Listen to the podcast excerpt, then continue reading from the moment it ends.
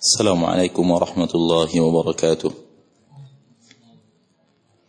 إن الحمد لله نحمده ونستعينه ونستغفره ونعوذ بالله من شرور أنفسنا ومن سيئات أعمالنا. من يهده الله فلا مضل له ومن يضلل فلا هادي له. أشهد أن لا إله إلا الله وحده لا شريك له. وأشهد أن محمدا عبده ورسوله صلى الله عليه وعلى آله وأصحابه ومن تبعهم بإحسان إلى يوم الدين وسلم تسليما كثيرا. يا أيها الذين آمنوا اتقوا الله حق تقاته ولا تموتن إلا وأنتم مسلمون. يا أيها الناس اتقوا ربكم الذي خلقكم من نفس واحدة وخلق منها زوجها وبث منهما رجالا كثيرا ونساء واتقوا الله الذي تساءلون به والأرحام إن الله كان عليكم رقيبا يا أيها الذين آمنوا اتقوا الله وقولوا قولا سديدا يصلح لكم أعمالكم ويغفر لكم ذنوبكم. ومن يطع الله ورسوله فقد فاز فوزا عظيما. أما بعد فإن أصدق الحديث كتاب الله وخير الهدي هدي محمد صلى الله عليه وسلم. شر الأمور محدثاتها فإن كل محدثة بدعة وكل بدعة ضلالة وكل ضلالة في النار. معاشر المسلمين معاشر المسلمات إخواني وأخوات في الدين الصائمين والصائمات dimanapun antum berada rahimani wa rahimakumullah Alhamdulillah kepada sang pemilik nikmat. Alhamdulillah kepada Rabbul Ardi wa Rabbus Samawat. Allah Jalla fi'ulah yang masih memberikan kepada kita nikmat kehidupan. Tentunya agar kita gunakan nikmat tersebut sesuai dengan maksud dan tujuan penciptaan kehidupan kita. Dan penciptaan kehidupan kita adalah firman Allah tabaraka wa taala. A'udzu billahi minasyaitonir rajim.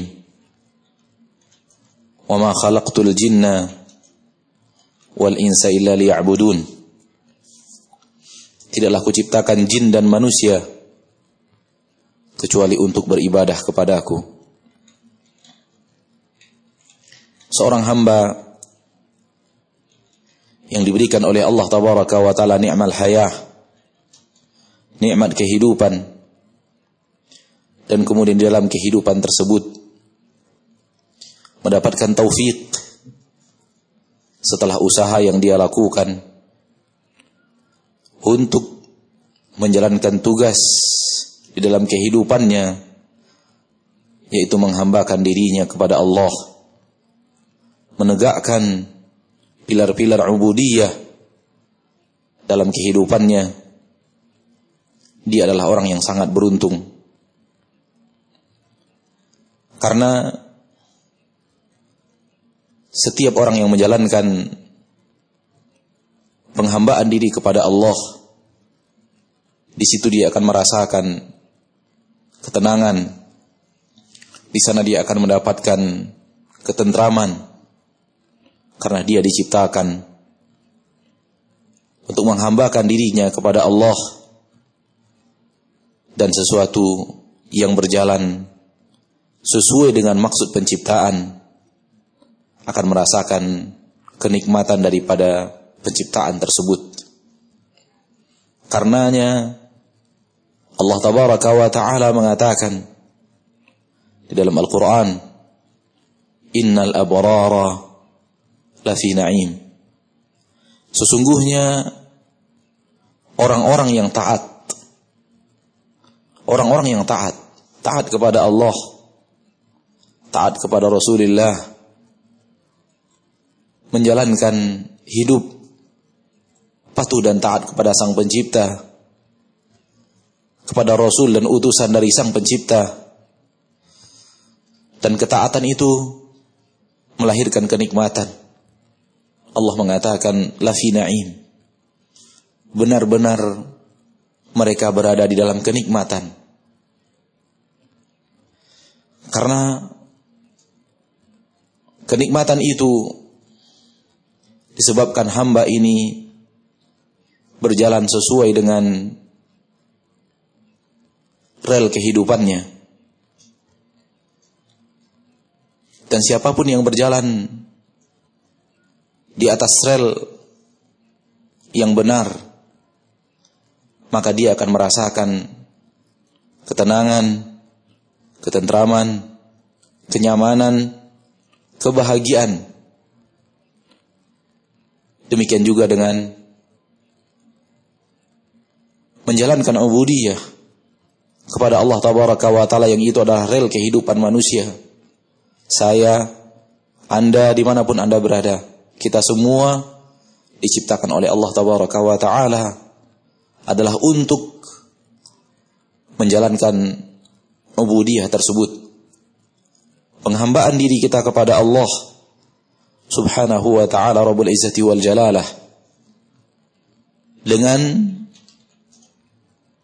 syariat yang telah diturunkan olehnya kepada Rasulnya Muhammad bin Abdullah sallallahu alaihi wasallam Allah katakan la fi na'im benar-benar berada di dalam kenikmatan. Ibadah membawa ketenangan dan ketentraman. Ibadah melahirkan kenikmatan dan kenyamanan di permukaan bumi sebelum dia mendatangkan kenikmatan nanti di hari pembalasan. dan orang-orang yang mendapatkan kenikmatan dunia dengan menghambakan dirinya kepada Allah mereka pula yang kelak akan mendapatkan mendapatkan kenikmatan akhirat sekali lagi orang yang mendapatkan kenikmatan di dalam menghambakan dirinya kepada Allah di permukaan bumi mereka lah orang-orang yang akan mendapatkan kenikmatan di akhirat Wa khalaqnakum azwaja. Kami ciptakan kalian berpasang-pasangan. Dan pasangan kenikmatan akhirat adalah kenikmatan di dunia. Oleh karena itu, orang yang mendapatkan kenikmatan akhirat kelak, mereka sudah mendapatkan juga kenikmatan di dunia. Karena kenikmatan di akhirat berpasangan dengan kenikmatan di dunia.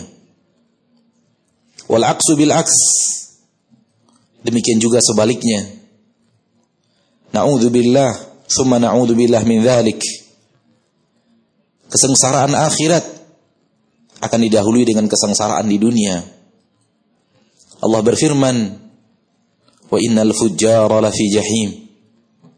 Dan sesungguhnya orang-orang yang berbuat maksiat, orang-orang yang berbuat kefajiran hal-hal yang tidak diinginkan dan diridhai oleh Allah tabaraka wa taala la fi na'im la fi wa innal fujjara la fi jahim la fi jahim benar-benar berada di dalam jahim.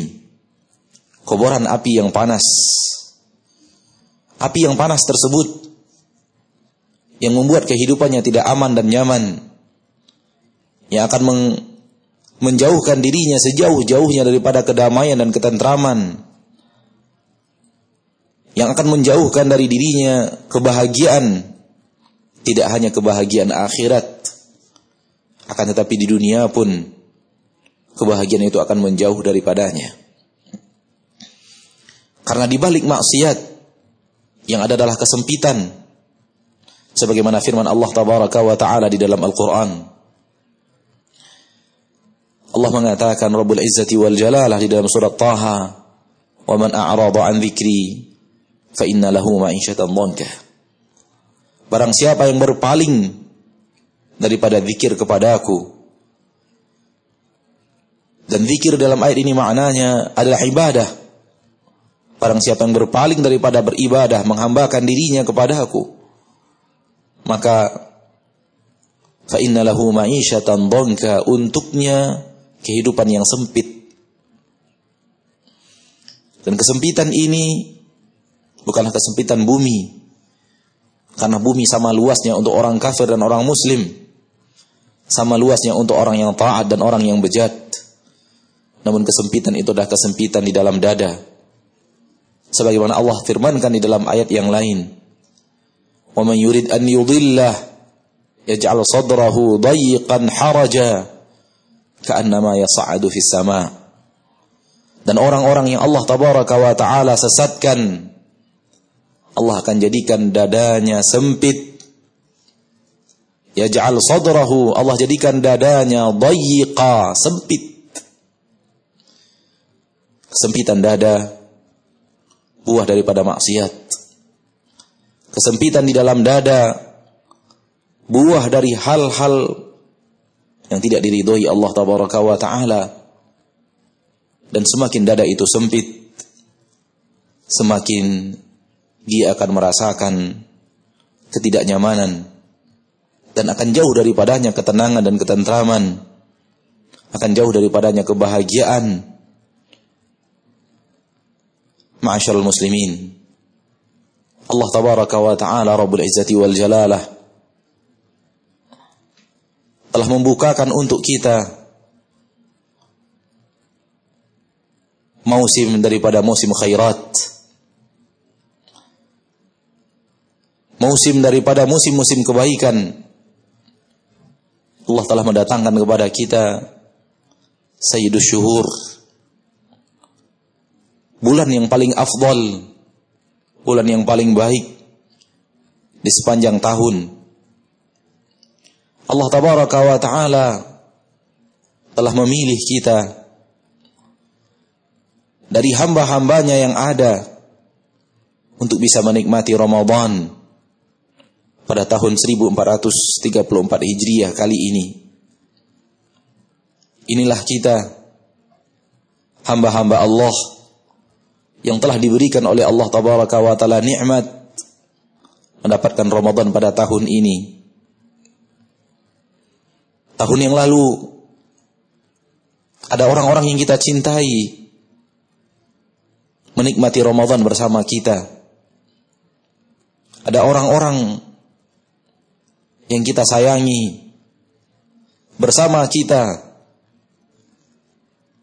melakukan saum Ramadan bersama kita berbuka puasa bersama kita di saf-saf kaum muslimin melaksanakan tarawih. Namun di Ramadan kali ini mereka sudah tidak ada. Mereka sudah dipanggil oleh Sang Pencipta di dalam ketentuan ajal yang telah dia tuliskan kepada setiap Bani Adam. Bahkan di dalam bulan Ramadan itu sendiri kita pun menyolatkan jenazah saudara-saudari kita yang di awal Ramadan Allah memberikan nikmat kepadanya untuk bertemu dengan bulan yang mulia ini. Namun Allah tidak berikan kesempatan kepadanya untuk menghabiskan sisa Ramadan dengan ketaatan. Ketika kita sekarang berada di penghujung Ramadan, maka sungguh Allah telah memberikan kemuliaan yang sangat besar. Allah memberikan kesempatan yang luar biasa. Kita bisa mendapatkan bulan yang mulia ini, musim yang penuh dengan kebaikan, Bulan yang di dalamnya penuh dengan kemuliaan dan keutamaan sampai di penghujungnya. Inilah kita sekarang berada di penghujung terakhir daripada Ramadan. Boleh jadi tenggelamnya matahari pada hari ini adalah akhir daripada Ramadan. Seandainya ru'yat kelihatan. Namun boleh jadi juga esok adalah Ramadan yang ke-30. Seandainya ru'yat tidak melihat hilal. Kita sama-sama menunggu dan menanti keputusan tim ru'yat hilal yang telah diletakkan di beberapa titik di bumi pertiwi untuk memantau terlihat atau tidak terlihatnya hilal Syawal pada tahun ini. Ini ataupun itu yang terjadi. Apakah Ramadan akan berakhir dengan tenggelamnya matahari pada hari ini? Ataukah akan berakhir pada tenggelamnya matahari di hari esok kita benar-benar telah berada di penghujung Ramadan. Dan Allah tabaraka wa taala ketika memilih kita untuk menikmati Ramadan dan bertemu dengan Ramadan mungkin salah satu di antara dua hal.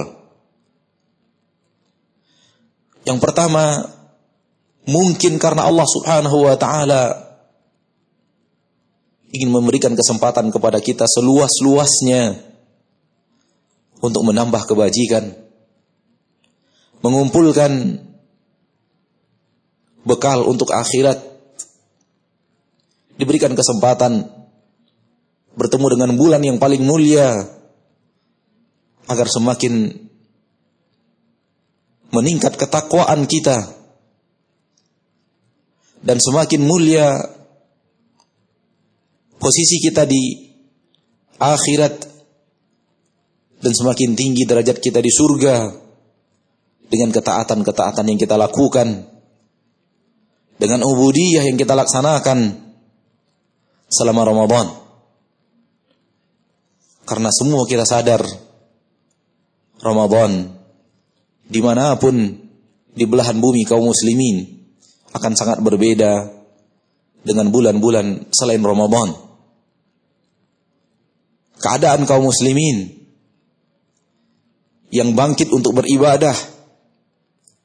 Kondisi kiri dan kanan kita yang memberikan motivasi yang luar biasa untuk kita sama-sama menghambakan diri kepada Allah dengan lapar dan haus di siang Ramadan untuk mencari ridho Allah untuk mendekatkan diri kepada Allah dan dengan tegak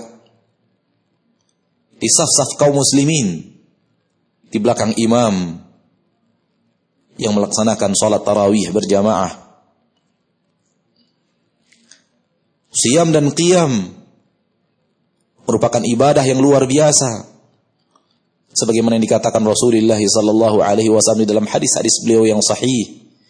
Man shoma Ramadhana imanan wa ihtisaba غفر له ما تقدم من ذنبه ومن قام رمضان إيمانا واحتسابا غفر له ما تقدم من ذنبه Barang siapa yang siam pada bulan Ramadan, siam pada siangnya,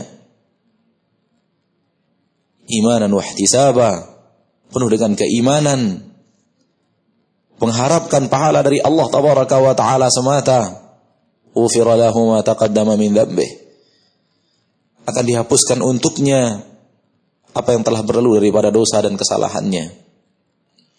Dan barang siapa yang qiyam Ramadan di malam hari imanan wa ihtisaba penuh dengan keimanan dan mengharapkan pahala dari Allah tabaraka wa taala semata ufira lahu ma taqaddama min dzambih akan diampunkan untuknya apa yang telah berlalu daripada dosa dan kesalahannya.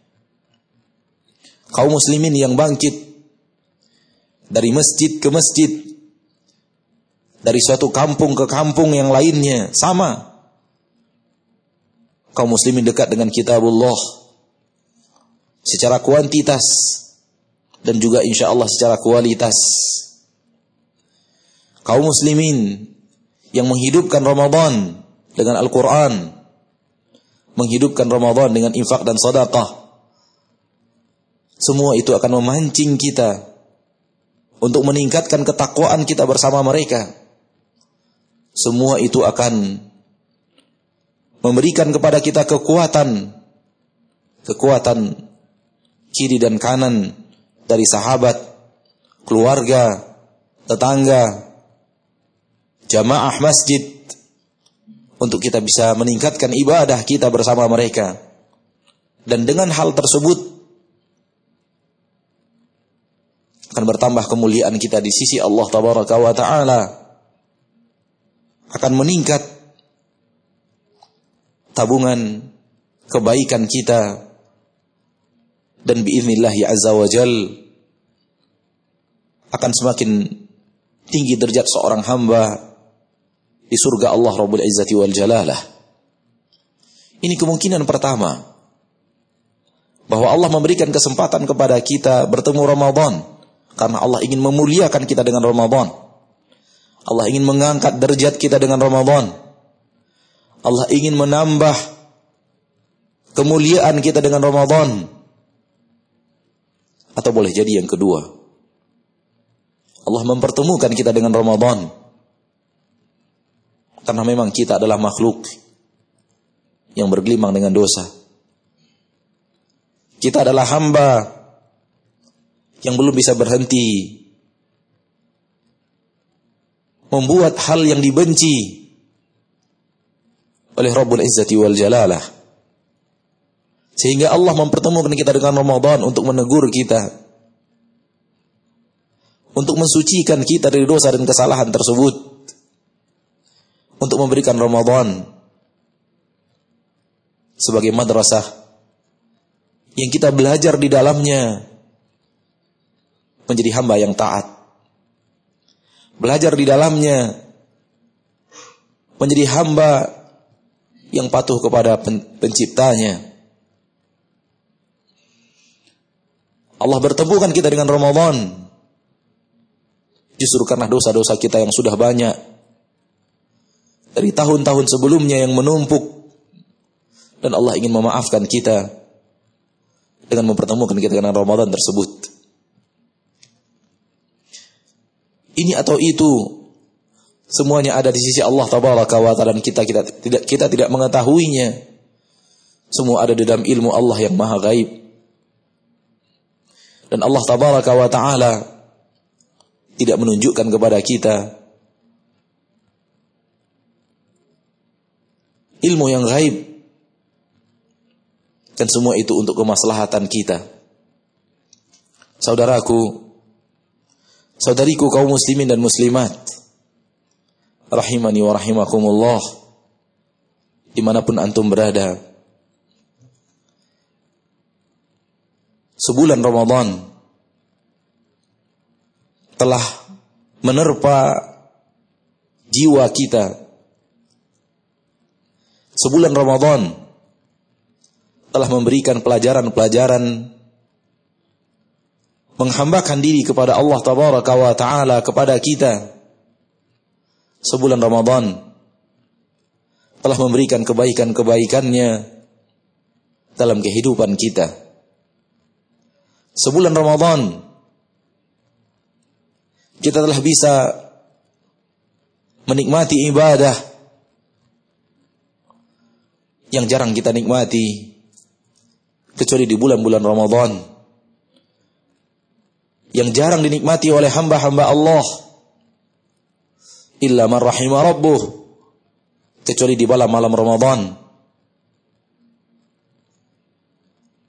Di Ramadan. Kita menahan haus dan lapar. Dan tidaklah ada maksud sengaja melaparkan diri dan sengaja menghauskan diri untuk menganiaya dan menyiksa diri. Akan tetapi ubudiyah adalah penggabungan antara penghinaan diri dan penyempurnaan ketaatan yang diiringi dengan kecintaan. Seluruh bahagian daripada ubudiyah kepada Allah tabaraka wa taala Rabbul Izzati wal Jalalah di dalamnya ada aksi penghinaan diri kita kepada Allah. Ketika seorang hamba menjalankan ubudiyah dan apabila dia mencerna melihat seluruh ubudiyah yang dia lakukan tersebut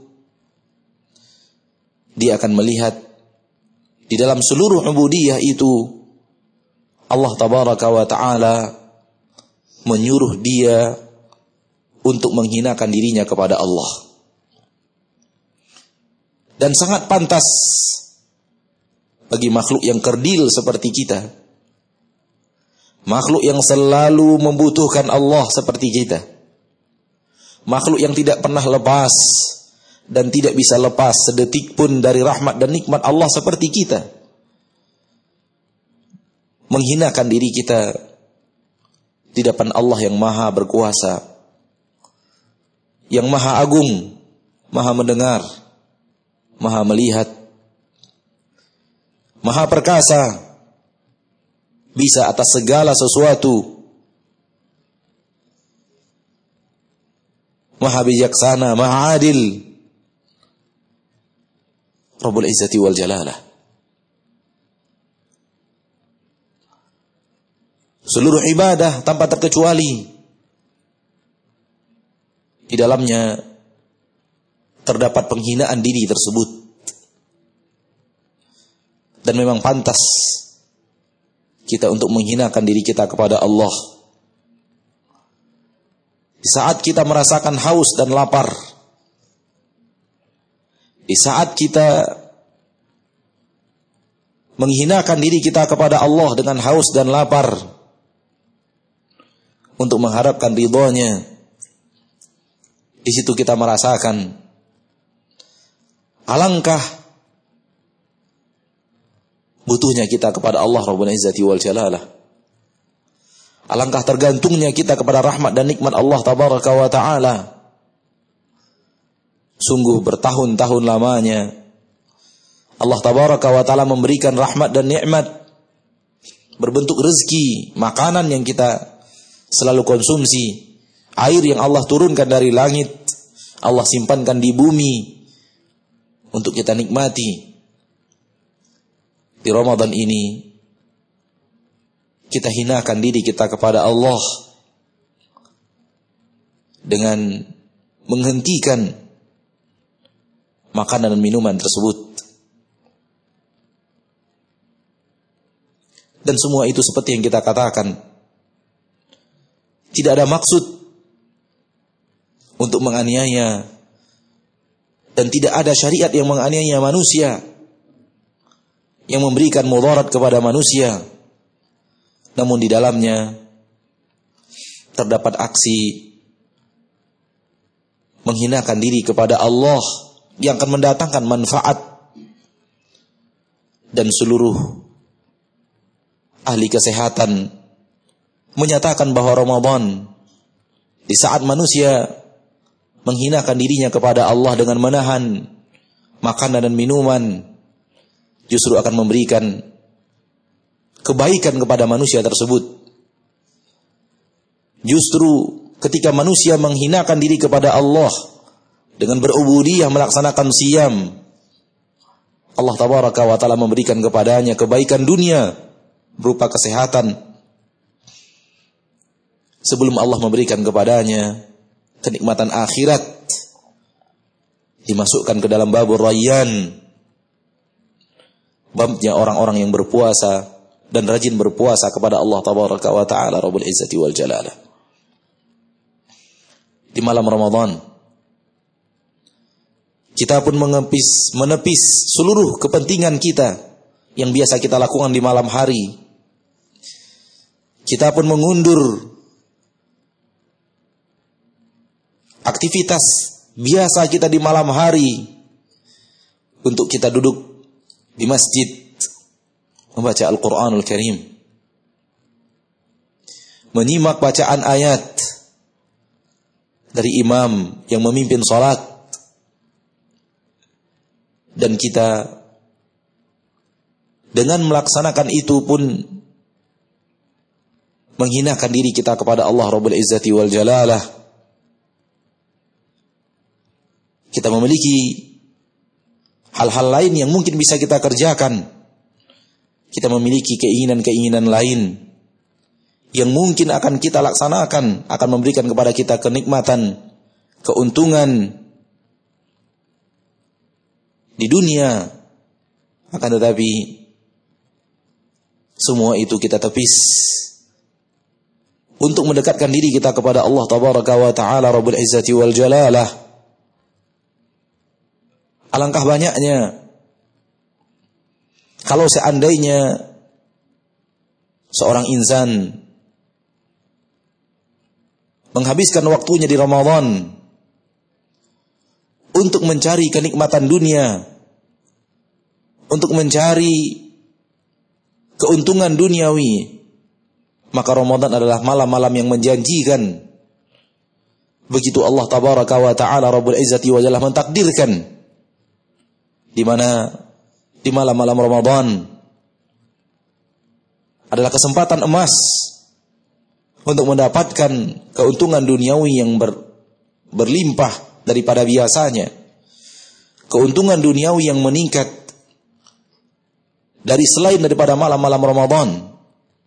Akan tetapi kita sengaja kita tinggalkan itu untuk menghambakan diri kita kepada Allah. Kita duduk di masjid. Kita membaca kitabullah ya azza wa jal. Kita menyimak bacaan imam yang memimpin salat kita. Semua itu kita lakukan tidak lain dan tidak bukan untuk menghambakan diri kita kepada Allah tabaraka wa taala. Bahkan tidak jarang di antara kita yang yang sengaja untuk tidak tidur terutama di 10 terakhir Ramadan untuk lebih dekat dengan kitabullah ya azza wa jal. Tidak jarang di antara kita yang kemudian sholat dan memperpanjang sholat. Yang memperbanyak sholat terkhusus di 10 terakhir Ramadan. Padahal pada saat itu kita membutuhkan tidur dan istirahat. Namun semua itu kita tepis. Semua itu kita tinggalkan di malam-malam Ramadan yang penuh berkah ini.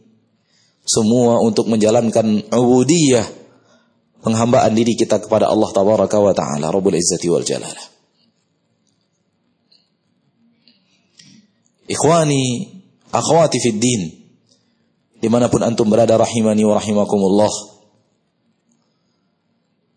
Lihatlah apa yang Allah berikan kepada kita. Lihatlah apa yang Allah rasakan kepada kita di Ramadan ini. Di saat penghambaan diri kita kepada Allah meningkat. Di saat volume ibadah kita kepada Allah tabaraka wa taala meningkat. Di saat kondisi keimanan dan amal saleh kita lebih baik daripada sebelumnya. Justru ketika kita meninggalkan secercah janji-janji duniawi yang menggoda kita di dalam Ramadan untuk mendapatkan ridho Allah tabaraka wa taala, keutamaan siam dan qiyam. Justru Allah tabaraka wa taala memberikan kepada kita kenikmatan ketenangan keteduhan kedamaian hati yang sebenarnya semua kita mengejar kedamaian hati tersebut.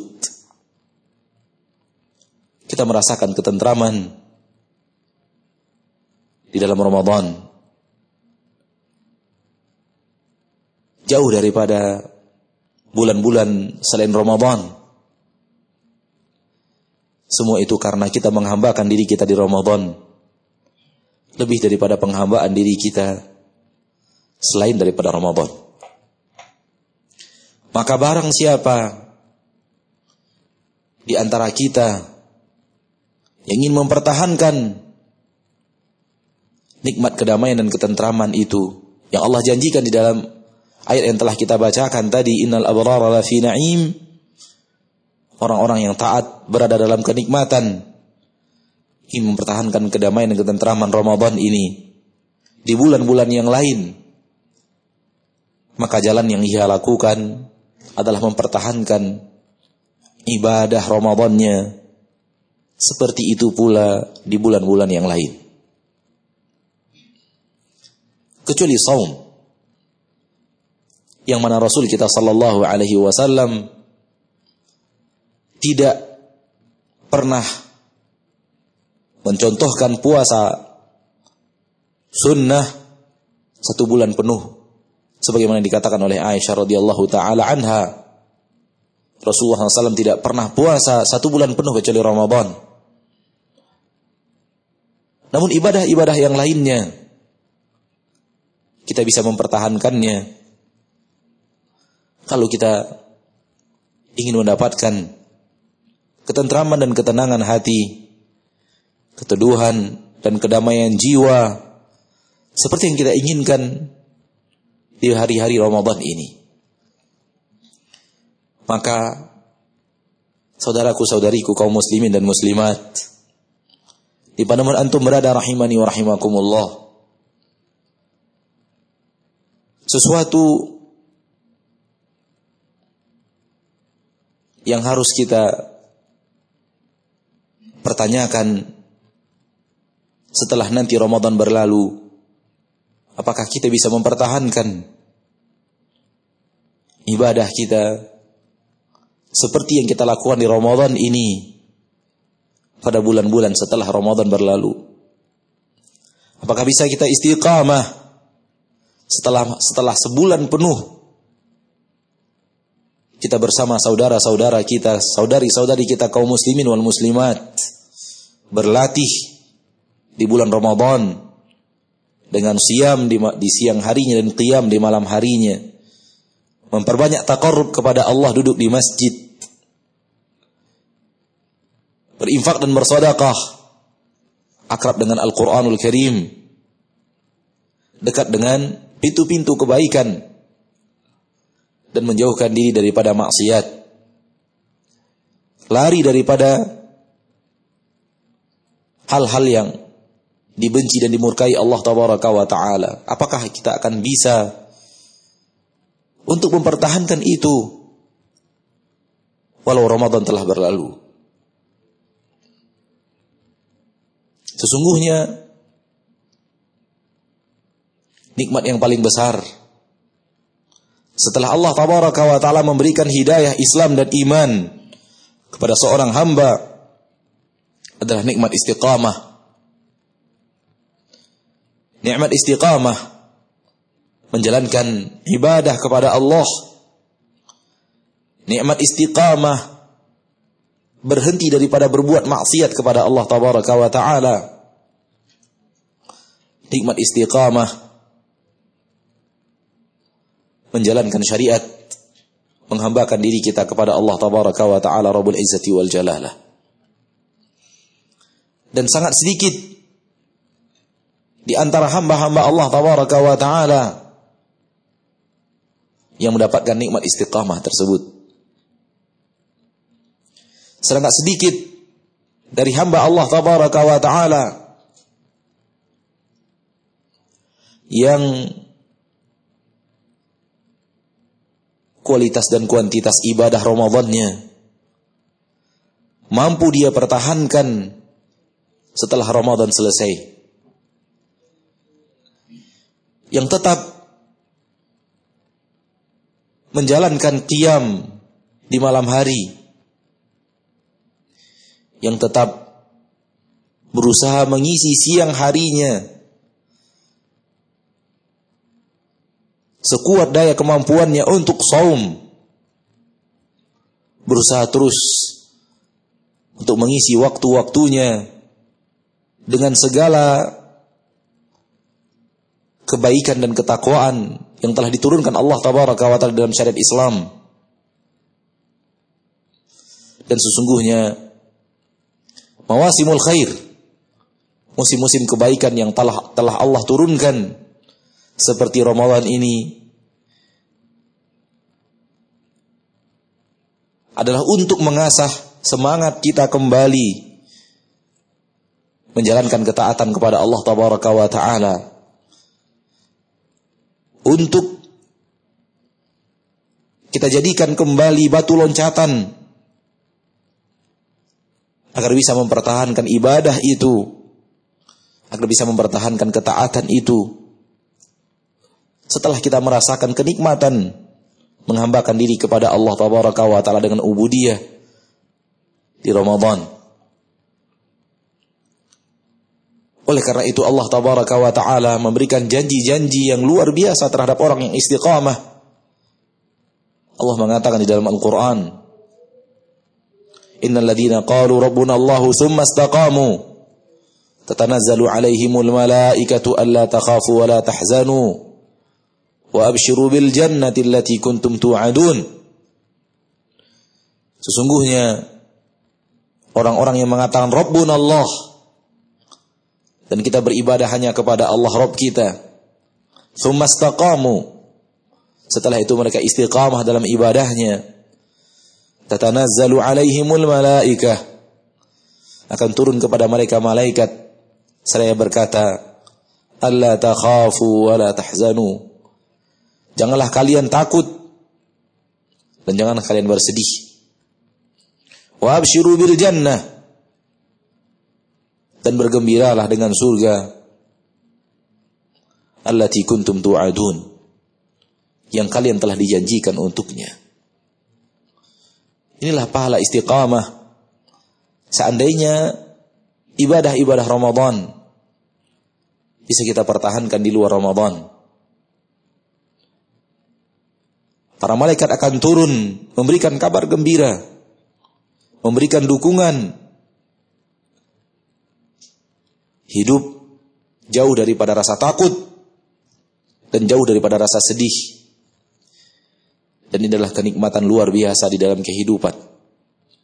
Orang yang bisa merasakan kehidupan dunia dengan nikmat adalah orang yang semakin jauh hidupnya dari ketakutan dan kekhawatiran kesedihan yang senantiasa mengorgoti kehidupan manusia.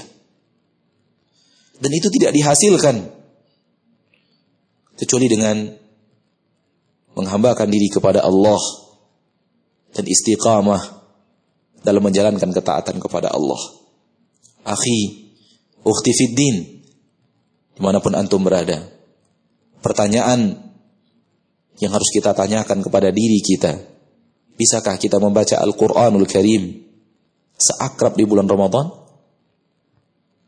Bisakah kita lebih akrab? Bisakah kita dekat dengan kitabullah Azza wa Jal di bulan Syawal, Dhul Qa'dah, Dhul Hijjah, Muharram, Safar, Rabiul Awal, Rabiul Thani, Jumad al-Ula, Jumad al-Thaniyah, Rajab dan Sya'ban yang akan datang. Bisakah kita bertahan seperti dekatnya dan akrabnya kita dengan Al-Quran di Ramadan ini? Ini pertanyaan yang kalau seseorang bisa bertahan, maka dia adalah orang yang akan mendapatkan keutamaan yang luar biasa dan mendapatkan keutamaan Ramadan. Istiqamah dengan ketaatan-ketaatan yang dia lakukan di bulan Ramadan. Kalau di malam Ramadan tidak bisa sholat malam, pertanyaan yang harusnya kita tanyakan kepada diri kita, bisakah kita mengisi malam kita dengan qiyam? Berdiri menghadap Allah di saat-saat di mana seharusnya kita tidur, kita bangkit, kita berwudu, kita sengaja mengusir kantuk kita demi untuk berdiri di hadapan Rabbul Alamin. Di kegelapan malam, apakah kita bisa bertahan? Walau kemudian kita tidak bisa panjang sepanjang-panjang bacaan imam di malam Ramadan yang membaca Al-Quran satu juz satu malam, setengah juz satu malam. Tapi paling tidak bisakah kita bertahan untuk sholat malam? Apakah kita mempunyai tekad. Yang mudah-mudahan tekad itu diberikan taufik oleh Allah wa taala untuk dijalankan untuk mempertahankan salat-salat malam kita. Akhifiddin Ukhti fiddin rahimani wa rahimakumullah. Salat malam memiliki keutamaan yang luar biasa. Salat malam memberikan ketentraman yang luar biasa Salat malam membawa manfaat yang luar biasa untuk seorang hamba. Apatah lagi kalau seorang insan bisa melakukannya di saat orang lain tertidur pulas. Nabi SAW mengatakan, Sallu billaili wa nasu niyam. Salatlah kalian di malam hari di saat manusia sedang tertidur. Di saat manusia asik dalam tidurnya, sholat kalian.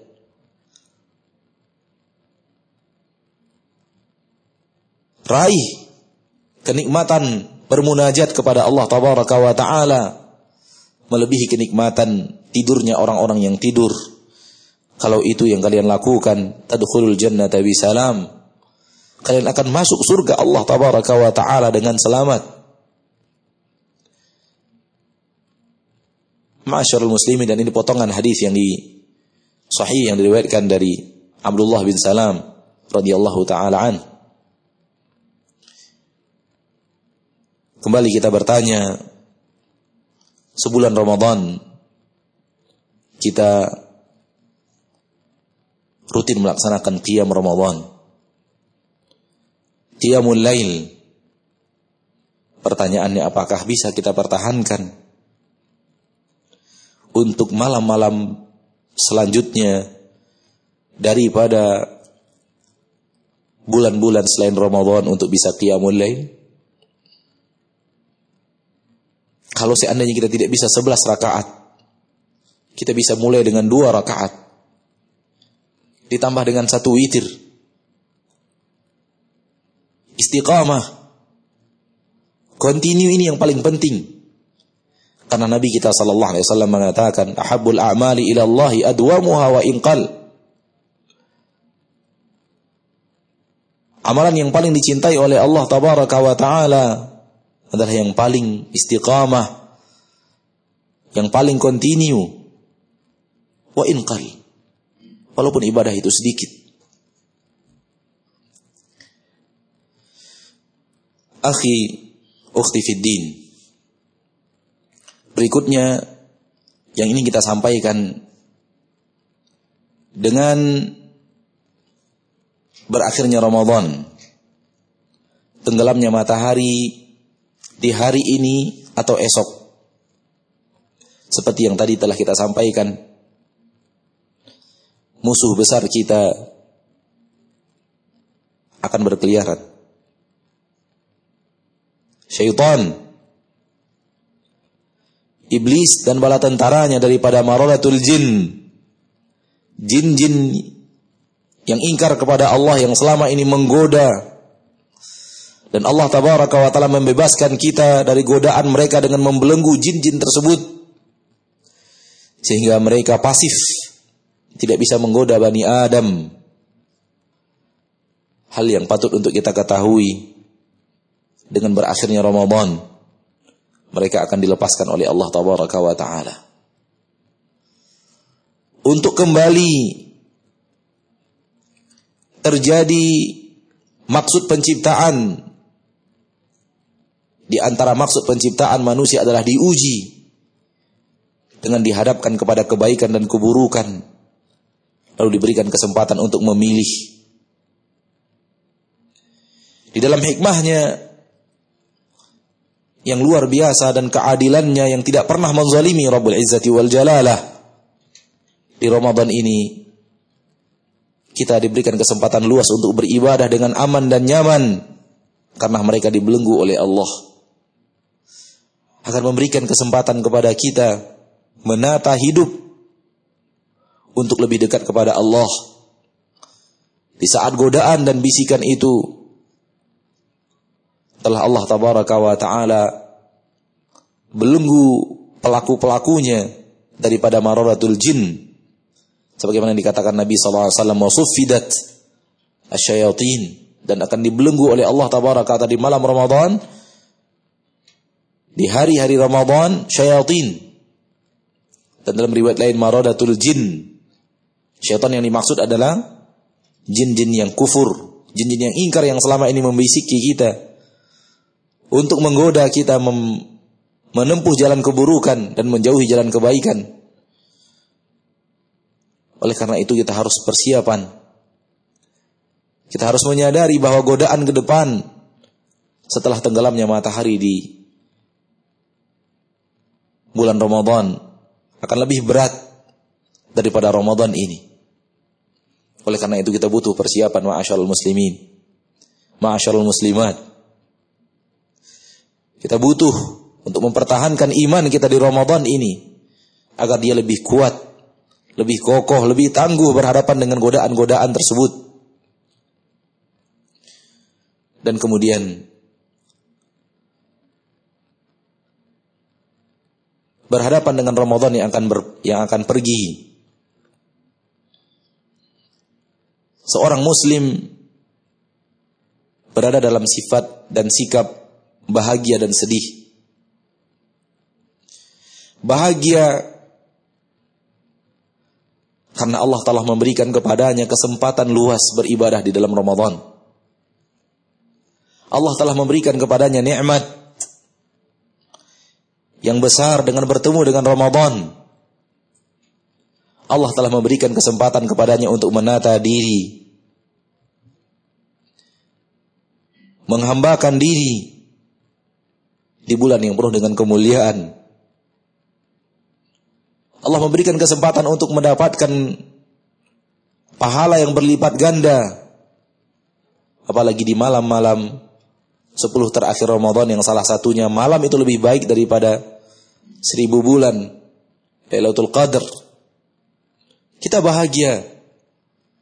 Karena Allah memberikan kesempatan kita untuk bertemu dengan Ramadan itu. Allah memberikan kesempatan kepada kita untuk meningkatkan kualitas ibadah, kuantitas ketaatan kita kepada Allah tabaraka wa taala. Namun di sisi lain kita bersedih karena bulan yang mulia ini akan segera meninggalkan kita. Dan tidak ada jaminan kepada siapa pun daripada Bani Adam dia akan bertemu dengan Ramadan yang akan datang. Bersedih dengan berpisah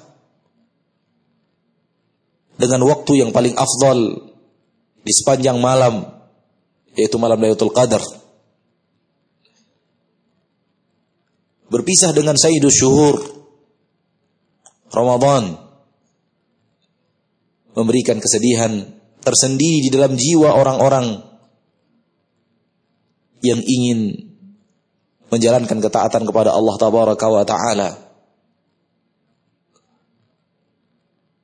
Kita ingin kalau bisa sepanjang tahun seluruhnya adalah Ramadan. Akan tetapi Allah telah berkehendak latihan untuk menghambakan diri kepada Allah. Bulan kemuliaan itu hanya diberikan kepada Ramadan di antara 12 bulan yang Allah tabaraka wa taala berikan. Kemudian berhadapan dengan berpisahnya Ramadan, kita hendaknya memiliki sifat harap dan cemas. Harap agar ketaatan-ketaatan kita, ibadah-ibadah kita. Diterima di sisi Allah Subhanahu wa taala Rabbul Izzati wal Jalalah. Cemas. Kalau seandainya ibadah-ibadah tersebut masih memiliki kekurangan daripada keikhlasan sehingga dia tidak, tidak diterima oleh Allah tabaraka wa taala. Cemas kalau ketaatan demi ketaatan yang kita lakukan masih memiliki kekurangan daripada ittiba' mencontoh Rasul kita tercinta di dalam menjalankan ketaatan sehingga dia tidak diterima oleh Allah tabaraka wa taala. Haus dan lapar yang telah kita lakukan. Diam yang panjang yang telah kita lakukan. Tenaga yang tidak sedikit untuk membaca Al-Quran, baik di siang hari atau di malam hari yang telah kita lakukan. Kita khawatir kalau Allah tabaraka wa taala tidak menerimanya. Akan tetapi kembali Allah merahasiakan di dalam ilmunya yang gaib. Soal diterima atau tidak diterimanya amalan seorang hamba. Karena itulah yang terbaik untuk seorang hamba. Agar dia terus berbenah diri. Agar dia terus membenahi amalannya. Agar dia tidak sombong Seandainya dia tahu amalannya diterima dan tidak bersedih dan hanyut dalam kesedihan terus menerus. Karena kalau seandainya dia tahu bahwa seluruh amalan ditolak oleh Allah Taala wa taala. Oleh karena itu, ikhwani wa akhwati fid din, rahimani wa rahimakumullah. Semua kita berusaha terus untuk menambah keikhlasan kita kepada Allah di dalam setiap amalan. Dan kita semua berusaha terus untuk memperkokoh pondasi mutaba'ah ittiba' kita kepada Rasul kita tercinta sallallahu alaihi wasallam. Dalam setiap langkah-langkah kita beribadah maksimalkan keikhlasan dan maksimalkan ketaatan dan kepatuhan dalam meniru dan mencontoh Rasul kita tercinta sallallahu alaihi wasallam. Agar kemudian kelak ketika bertemu dengan Allah Rabbul Izzati wal Jalalah amalan-amalan kita akan memberikan kebahagiaan kepada kita karena dia menjadi amal saleh yang akan memberatkan timbangan kebaikan kita. Dan terakhir kita berdoa kepada Allah Rabbul Izzati wal Jalalah wa Rabbul Jabarut wal Malakut wal Kibriya wal Azamah agar Allah tabaraka wa taala menjadikan kita hamba-hambanya yang bertakwa setelah menjalankan puasa Ramadan setelah menjalankan siam di siang hari Ramadan dan qiyam di malam hari Ramadan kita berdoa kepada Allah yang Maha Pengasih lagi Maha Penyayang untuk menerima haus dan lapar kita. Untuk menerima ruku dan sujud kita. Untuk menerima tadarru' dan munajat kita kepadanya.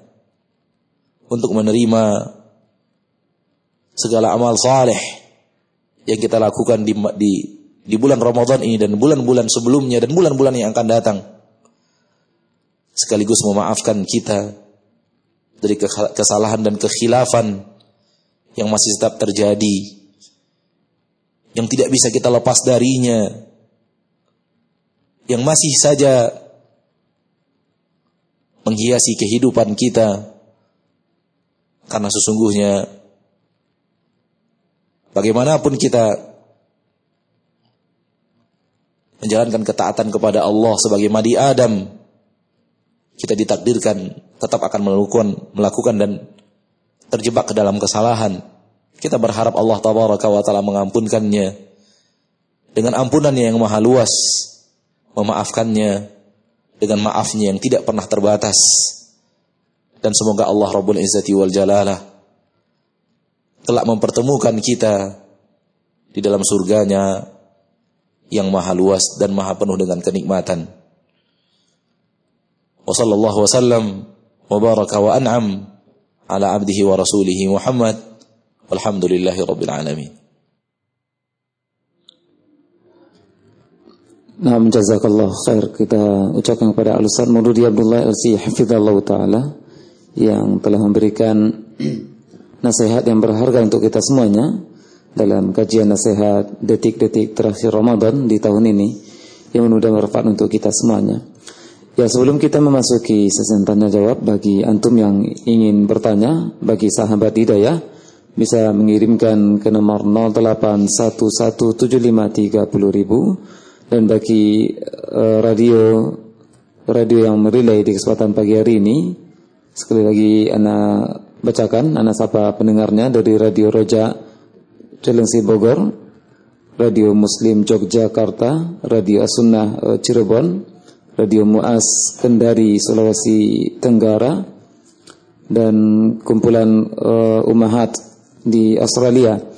Nah, kita dengarkan sebuah jeda sebelum kita membacakan pertanyaan yang telah dikirimkan dan tetap setia di 103,4 Hidayah FM saluran telawah dan kajian ilmiah Islam.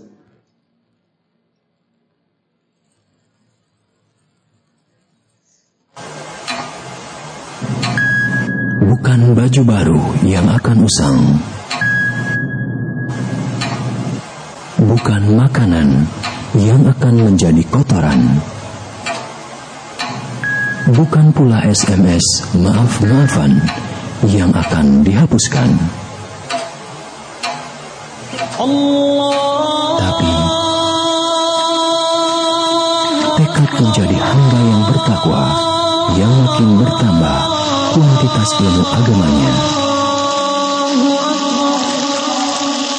Makin berkualitas ibadahnya, makin santun dan lembut ucapannya.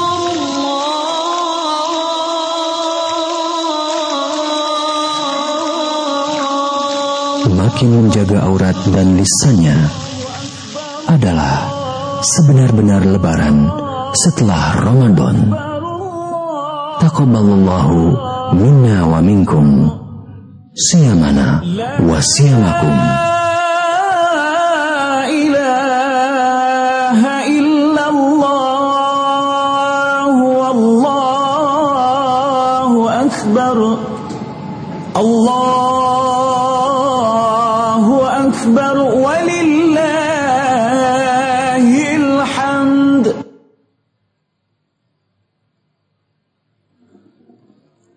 103,4 Hidayah FM saluran telawah dan kajian ilmiah Islam. Nah, sahabat Hidayah rahmani Allah wa jami'an di mana pun antum berada dan pendengar radio yang lainnya. Ya kita lanjutkan kajian di kesempatan pagi hari ini bersama Al-Ustaz Maududi Abdullah LC Hafidhallah Ta'ala pada sesi tanya jawab. Ya karena banyaknya pertanyaan yang masuk kita selang-seling untuk membacanya dari pendengar Radio Hidayah dan juga radio yang lainnya hanya melalui pesan singkat. Baik, pertanyaan pertama dari pendengar Radio Hidayah uh, datang dari yang tidak mencantumkan namanya di sini. Ya dari uh, Salman di Pasu Pasubila. Ya, assalamualaikum warahmatullahi wabarakatuh. Ustaz. Waalaikumsalam warahmatullahi wabarakatuh. Ya Ustaz mohon uh, sebutkan takbiran yang sesuai dengan sunnah karena di tempat eh, kami nanti malam akan mengadakan uh, takbiran keliling desa. Ya, dan apakah boleh takbiran uh, pakai beduk? Nah.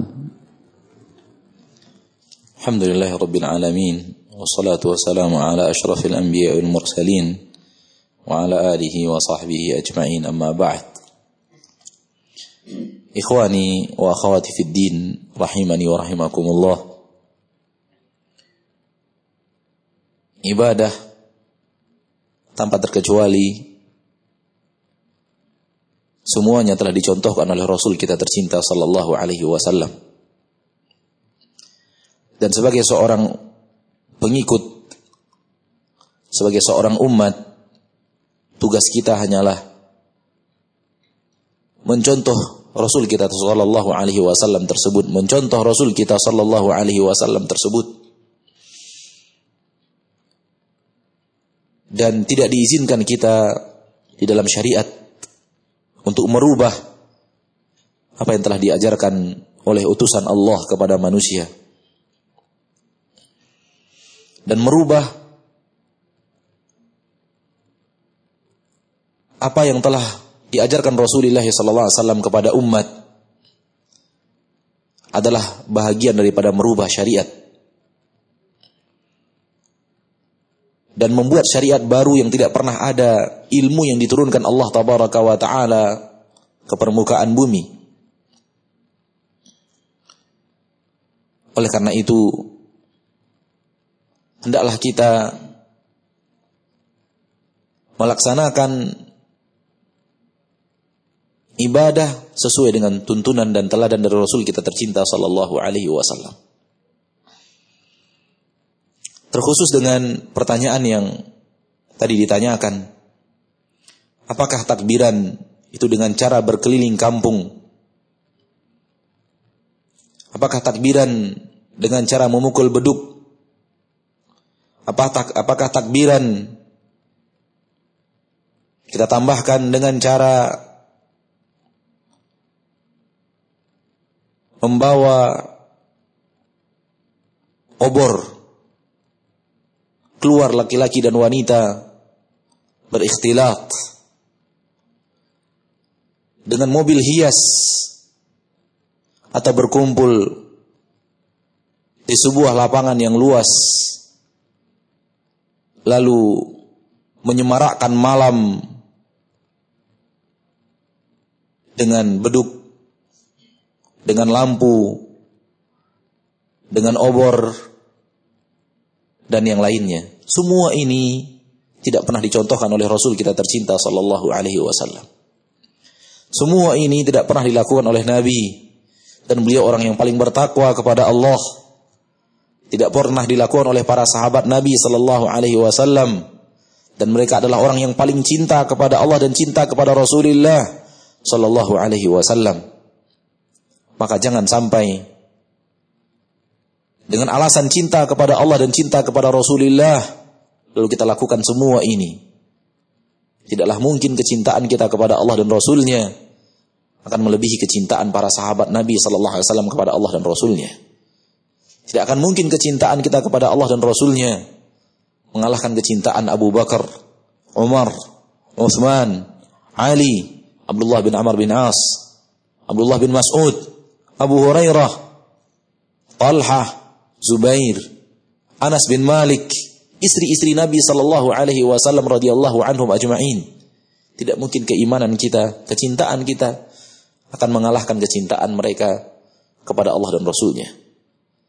Namun tak seorang pun di antara mereka yang dengan alasan kecintaan itu melaksanakan aksi seperti yang kita laksanakan sekarang dalam melaksanakan takbiran. Semua itu seharusnya ditinggalkan oleh kaum muslimin yang serius ingin mencontoh Rasulnya sallallahu alaihi wasallam. Yang serius ingin mengamalkan firman Allah tabaraka wa taala, "Laqad kana lakum fi Rasulillahi uswatun hasanah." Sesungguhnya nabi kita tercinta sallallahu alaihi wasallam menghabiskan malam Ramadannya akhir daripada Ramadannya dan